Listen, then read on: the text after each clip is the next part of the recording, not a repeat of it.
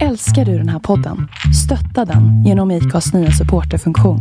Det är helt upp till dig hur mycket du vill bidra med och det finns ingen bindningstid. Klicka på länken i poddbeskrivningen för att visa din uppskattning och stötta podden. I'm Sandra, and I'm just the professional your small business was looking for. But you didn't hire me because you didn't use LinkedIn jobs. LinkedIn has professionals you can't find anywhere else, including those who aren't actively looking for a new job but might be open to the perfect role, like me. In a given month, over 70% of LinkedIn users don't visit other leading job sites. So if you're not looking on LinkedIn, you'll miss out on great candidates like Sandra.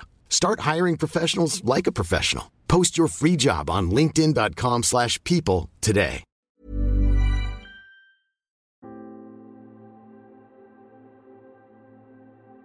När jag var 16 år satt jag på ett behandlingshem utanför Kramfors. Det var det första av mina många år på olika institutioner genom hela landet. När det närmade sig att fira jul så hade jag blivit nekad permission. Och som en av få skulle jag få fira jul ute i ingenstans. Att det sprudlade i mig på förhand är inte direkt någon sanning. Men med tanke på hur livat det allt som oftast var där så var det heller ingen katastrof för mig. Från den 22 december till den 26 december så var jag ensam av de intagna på plats. Två assistenter fanns till hands hela tiden, bortsett på natten då en av dem var kvar. Efter två dygn byttes det ut mot två nya. Och vi pratade inte särskilt mycket. Inte för att det fanns något agg utan snarare för att vi inte hade något att säga varandra. När det slutligen blev julafton så hade jag inga förväntningar alls. Jag förväntade mig inga julklappar och ingen julmat. Men till min förvåning så levererades både och. Julmaten var inte märkvärdig, men speciell. På kvällen när kalanka var över och all mat var slut satte vi oss ner för att spela kort. Agneta, en av behandlingsassistenterna, smög då iväg och hämtade min present. Hon sa att jag skulle blunda för att den inte gick att slå in. Jag gjorde som hon sa och när jag öppnade ögonen blev jag mer fundersam än glad. Framför mig stod en kaktus. Jag visste inte riktigt hur jag skulle tolka det.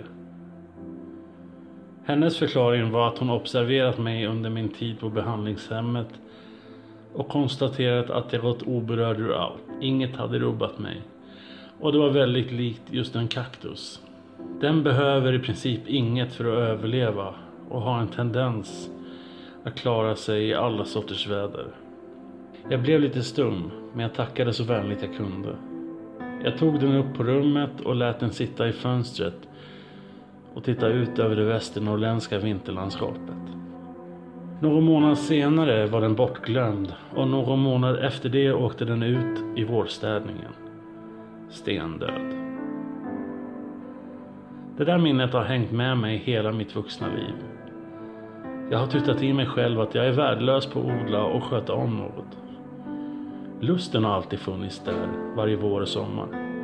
Att få odla något som jag själv kan äta med mina barn.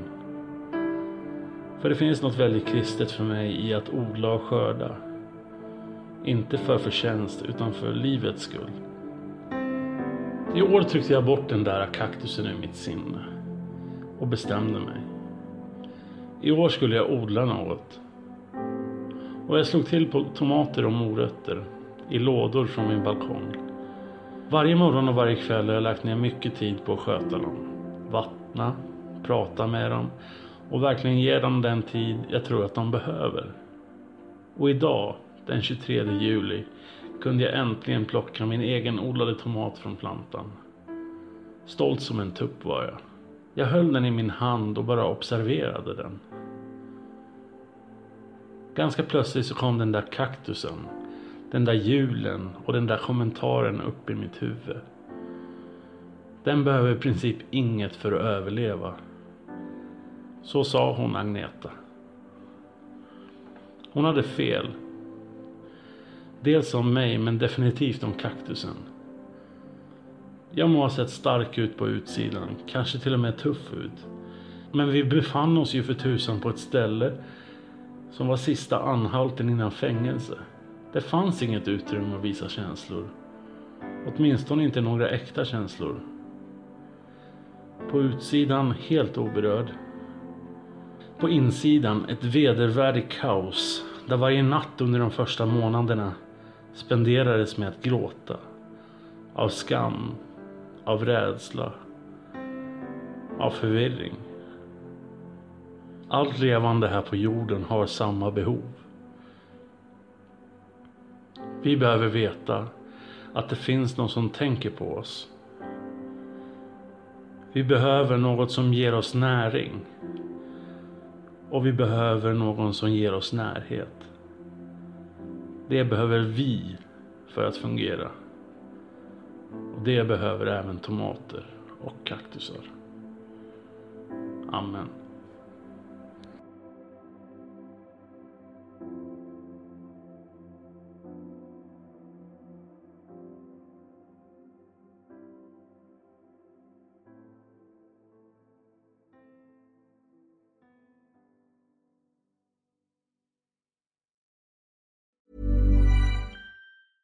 Hey, it's Paige DeSorbo from Giggly Squad. High quality fashion without the price tag. Say hello to Quince.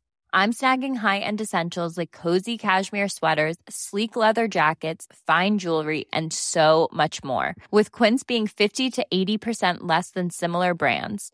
And they partner with factories that prioritize safe, ethical, and responsible manufacturing. I love that. Luxury quality within reach. Go to quince.com slash style to get free shipping and 365 day returns on your next order.